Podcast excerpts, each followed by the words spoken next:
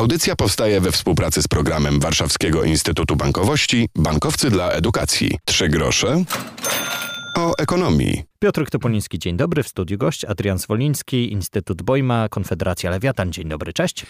Witam serdecznie, cześć. No i rozmawiać będziemy o czymś, co już poruszaliśmy niedawno w audycji, e, gdy pojawiły się groźno brzmiące hasła jak inflacja, jak spowolnienie gospodarcze. Dzisiaj będę ciebie pytał o to, mm, jaki to może mieć wpływ na nas, to znaczy około 20-letnich ludzi, e, studentów, e, mieszkańców kraju nad Wisłą, którzy wchodzą na rynek pracy, stawiają na tym rynku pracy pierwsze kroki, niektórzy być może myślą o założeniu firmy, no tacy są słuchacze e, naszej audycji, no i słyszą te informacje o tym, że gospodarka Unii Europejskiej według prognoz będzie się rozwijała, ale wolniej. To hasło spowolnienie gospodarcze powinno nas e, martwić, czy e, to raczej wielcy tego świata powinni się przyglądać indeksom, a my jeszcze żyjemy spokojnie? Brutalna prawda jest taka, że faktycznie e, słowo recesja to zbyt duże słowo, ponieważ recesja jest rodzajem e, prawie dołku albo dołku w zależności od teorii. W uproszczeniu można powiedzieć, że tak, mamy spowolnienie i teraz trwają wielkie debaty co do tego, czy to spowolnienie będzie wyhamowało, czy też to spowolnienie może przemienić się e, w recesję. No, spójrzmy na to w ten sposób, że ten rok 2019 to od czasu kryzysu finansowego, lata 2007-2008, e, e, najprawdopodobniej był dołek. To, było, te, to są jeszcze za 2019, e, to są estymacje Banku Światowego, ale szacuje się, że to było 2,4%. I tak od 2017 spadało z 3,2 do 3 do 2,4. Tak, ale cały czas na plusie. Tak, no, taka jest natura wzrostu gospodarczego. On jak gdyby wzrasta, tak? E, natomiast e, spowolnienie oznacza właśnie to, że wzrasta wolniej. E, to jest właśnie natura samego spowolnienia. Wzrost, ale wolniejszy. No i oczywiście mówimy o wzroście w rozumieniu PKB. Mówi się, że PKB nie jest idealnym miernikiem wzrostu gospodarczego, tego jak funkcjonuje nasza gospodarka. I oczywiście on nie jest, bo PKB nie, po, nie powie nam nic o zadłużeniu.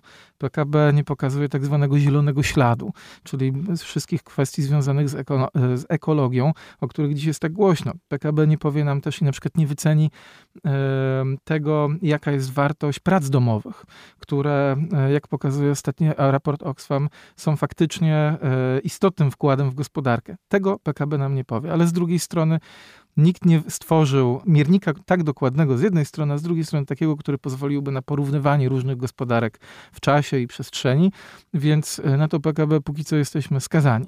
I w jego ujęciu faktycznie mieliśmy do czynienia z powolnieniem gospodarczym. Prawdopodobnie z punktem kulminacyjnym tego spowolnienia gospodarczego i pytanie, co przyniesie najbliższy czas.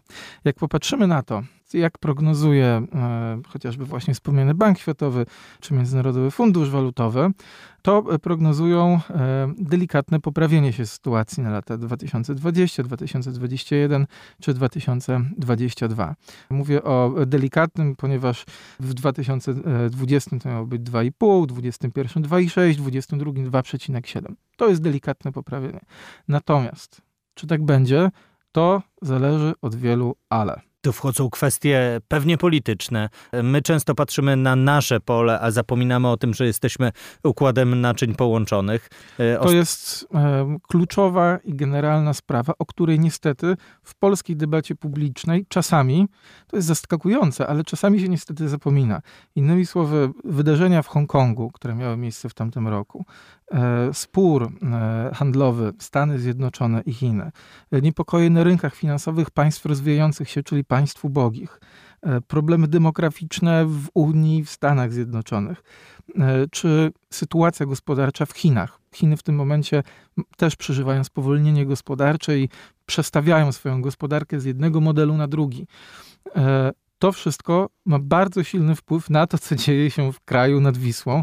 Należy mieć, e, mówiąc krótko, to na uwadze. I to zresztą, co wymieniłem po części, to są też te ale. To znaczy, że spowolnienie nie będzie się pogarszało, czy też będzie wyhamowało, jeżeli będzie na przykład załagodzony spór między Stanami Zjednoczonymi a Chinami, bo to nie jest tylko spór na poziomie handlowym, Nie tylko cierpi globalny handel na tym, ale na tym sporze E, ten spór między innymi spowodował taki silny wzrost protekcjonizmu gospodarek, zamykania się gospodarek, odchodzenia na przykład od wolnego handlu na rzecz właśnie takich instrumentów chronienia gospodarek narodowych.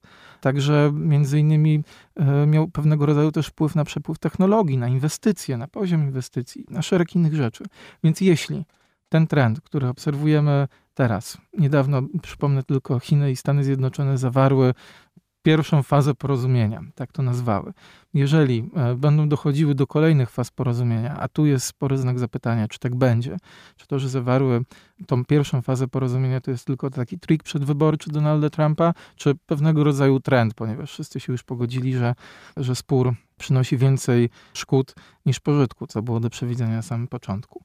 Tych znaków zapytania jest sporo. Tak samo jeżeli chodzi o niepokoje społeczne, o których wspomniałeś, Hongkong czy Chile z ostatniego roku to tylko przykładowe sytuacje, no ale tam, gdzie są wybijane szyby i tam, gdzie ludzie protestują i wychodzi policja albo nawet wojsko na ulicę, to nie jest najlepsza, nie są najlepsze warunki dla rozwoju przedsiębiorczości i gospodarki. Za chwilę do naszej rozmowy wrócimy. Zostańcie z nami. Trzy grosze o ekonomii. W audycji dzisiaj, mm, nie wiem czy dobrze mówię, że trochę straszymy. Adrian Swoliński z Konfederacji Lewiatan, z Instytutu Bojma jest z nami. Y, to jak, powinniśmy zachować y, spokój y, i nic nie robić, czy powinniśmy dalej starać się napędzać gospodarkę tym, że chodzimy do sklepów, kupujemy, wbrew temu, co nagłówki krzyczą, że tutaj będzie nieco trudniej w tym roku? Nie pozostaje nic innego, jak robić, mówię na takim poziomie jednostki. Róbmy swoje. Róbmy swoje, dokładnie dokładnie. Natomiast korzystając z możliwości głosu, to wspomniałbym o e, dwóch rzeczach. Już tak odchodząc od tych dużych, globalnych spraw, Przechodząc do tych mniejszych, e, niedawno zresztą na Uniwersytecie Warszawskim na jednej z konferencji naukowych miałem okazję mówić o zadłużeniu młodych ludzi. Z czym kategoria młody jest kategorią, powiedziałbym, o no, różnych do, do ilu widełkach. dałeś ty, ty, tych młodych? E, no, to zależy właśnie od danych. Powiedzmy do 35 roku o, życia. to się od razu lepiej wszyscy czujemy. tak, dokładnie. Łapiemy się obydwoje. Historia jest taka, że jeżeli chodzi o polskie warunki, jest mało danych, żeby móc tak e, z gruntu stwierdzić, jak faktycznie wygląda na przykład zadłużenie e, młodych ludzi autorytatywnie i zero-jedynkowo. Na dobrą sprawę e, można się posłużyć na przykład danymi grupy BIG, ale e, Biura Informacji Gospodarczej są też specyficzną grupą, bo tam już trafia specyficzny rodzaj zadłużenia. Więc to, co teraz powiem, jest oparte na pewnych danych, ale nie są to z pewnością dane pełne. Mianowicie z nich wynikają dwie rzeczy, dwie myśli. Pierwsza taka, że młodych ludzi wśród dłużników jakoś drastycznie nie przybywa, bo między czerwcem 2016 a czerwcem 2019 to według danych grupy BIG przybyło w ogóle 22% dłużników, a wśród tych 22 7% młodych. To jeszcze nie jest źle. Młodych dłużników w dużych ilościach nie przybywa, ale co jest niepokojące, przybywa ich zadłużenia, to znaczy biorą gdy już są, to biorą są, dużo. To biorą więcej. Okay. Tak. Przykład w tym okresie, o którym wspomniałem, 2016-2019, zaległości w ogóle wzrosły o 1 trzecią, a młodych ludzi o połowę. To jest dużo. Co jest temu winne? W dużej mierze też te zaległości wynikają jak e, z różnych danych, też między innymi KRD, e, można wnioskować. To są między innymi właśnie zaległości operatorów komórkowych, czyli po prostu ludzie zapominają Ale to jest zapominalstwo, rachunków. czy to jest e, inna Ciężko przyczyna? wyrokować. To może być zapominalstwo, a to może być to, że po prostu e, odkłada się ten rachunek, bo to nie jest coś, co płacimy od tak, jak na przykład, nie wiem, zakupy na jedzenie, albo może na przykład na imprezę, ale też wskazuje się i są też takie dane, które pokazują, że czasami po prostu młodzi ludzie, że już użyję tego sformułowania, nie do końca i nie zawsze mają swojego rodzaju panowanie nad finansami. Między innymi zadłużają się ponad miarę, albo wydaje mi się, że mogą sobie na coś pozwolić, a następnie okazuje się, że nie do końca sytuacja finansowa nie jest taka dobra. Innymi słowy, i tu bym zwrócił się z tym małym apelem, że niezależnie od tego, jakie czasy nas czekają, dobre czy złe, do zainteresowania się podstawową wiedzą o finansach. Jak oszczędzać, jak można oszczędzać, jak kontrolować swój budżet. Ja wiem, że to brzmi tak mm, wyjątkowo y, ogólnie i każdemu może się na pierwszy rzut oka wydawać, że kontroluje swój budżet, ale kontrola budżetu i swojej karty to jest jak gdyby step pierwszy. Ale brutalna prawda jest taka, że już dzisiaj, mając lat 20 czy 21, mimo że wydaje się to bardzo odległą przyszłością, to wypadałoby y, pomyśleć nad tym, jak będzie E, się wyglądało finansowo za lat 5, 6, 8, 10, 20. A niektórzy jeszcze mówią o emeryturach. A niektórzy jeszcze mówią o emeryturach. Innymi słowy, ja wiem, że to może się wydawać abstrakcyjnym myśleniem, no ale nie ma innej rady. Więc jeśli miałbym dać właśnie jakąś radę, to poświęcenie trochę czasu na doszkolenie się, na zdobycie tego skilla w finansach, chociaż w podstawowym zakresie, no bo nie ma lepszego ubezpieczenia na tym polu niż wiedza. Do naszej rozmowy jeszcze na moment e, wrócimy, pozostańcie z nami. Trzy grosze o ekonomii. W audycji dzisiaj rozmawiamy o szeroko pojętym spowolnieniu gospodarczym. Naszym mentorem jest dziś Adrian Zwoliński, Instytut Bojma, Konfederacja Lewiatan. Przed chwilą mówiliśmy o kilku takich krokach, które warto podjąć, żeby mm, uzbroić się na czasy najbliższe. No dobra, no jesteśmy w dużej mierze po szkole i zastanawiam się, gdzie wiedzy szukać. Często jest tak, że gdy po media się sięgnie, no to głośne nagłówki albo mm, tematy, o których się nie mówi. E, już nie mówię o polityce, politycznych sprawach, czy o mediach, które e, tematy pewne pomijają albo zniekształcają, ale zastanawiam się, e, gdzie wiedzę pozyskiwać co może być e, takim rzetelnym źródłem wiedzy dla dorosłego człowieka, który nie chodzi już na zajęcia czy do szkoły. Okay. Istnieją fundacje np. edukacji finansowej albo stowarzyszenia właśnie związane z edukacją finansową. Wystarczy wpisać te parę fraz, od razu można znaleźć pewne źródło informacji i tam e, między innymi podejrzewam dostanie się właśnie informacje czy to o publikacjach ogólnodostępnych, czy takich, po które można sięgnąć, takich, które mówiąc krótko w sposób prosty, jasny, zrozumiały osobom, które nie miały nigdy do czynienia z finansami, z rynkiem finansowym czy z ekonomią, pozwoliłyby zrozumieć chociaż właśnie w takim podstawowym zakresie. Więc to byłyby pierwsze kroki, e, do których bym e, sugerował udanie się. Druga sprawa jest taka, że Istnieje też sporo szkoleń wbrew pozorom, które także można znaleźć, które się odbywają.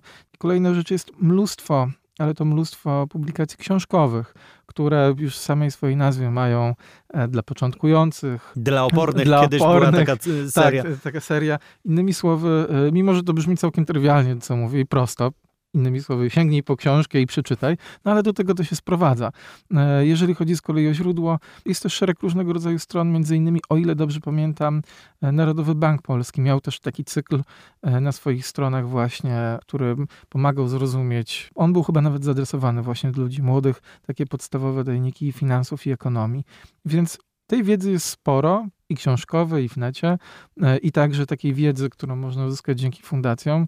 Wystarczy po to sięgnąć, do czego zachęcam, już nawet nie tylko, żeby móc kontrolować swoje własne finanse, albo móc jakoś przewidywać, w jaką stronę one będą szły, ale no, dzisiaj o czymkolwiek byśmy nie rozmawiali, nie unikniemy rozmowy wątku ekonomicznego i, albo finansowego. I dobrze jest się moim zdaniem w nim orientować. Adrian Swoliński, Instytut Bojma, Konfederacja Lewiatan, dziękuję. Dzięki serdecznie. No i e, tak samo można w internecie ciebie czasem usłyszeć, czasem przeczytać. E, można. To może jeszcze na koniec e, zaprosimy do jakiegoś, czy może miejsca w sieci, gdzie twoje mm, artykuły, tematy poświęcone bardzo wielu różnym wątkom, między innymi Chinom i stosunkom gospodarczym, co dzisiaj próbowaliśmy dotknąć, gdzie można ten temat zgłębić. Strona Instytutu Bojma, polecam serdecznie wydajemy kwartalnik i, i, i publikacje poświęcone właśnie e, gospodarce i państwom rozwijającym się, czy chociażby Twitter.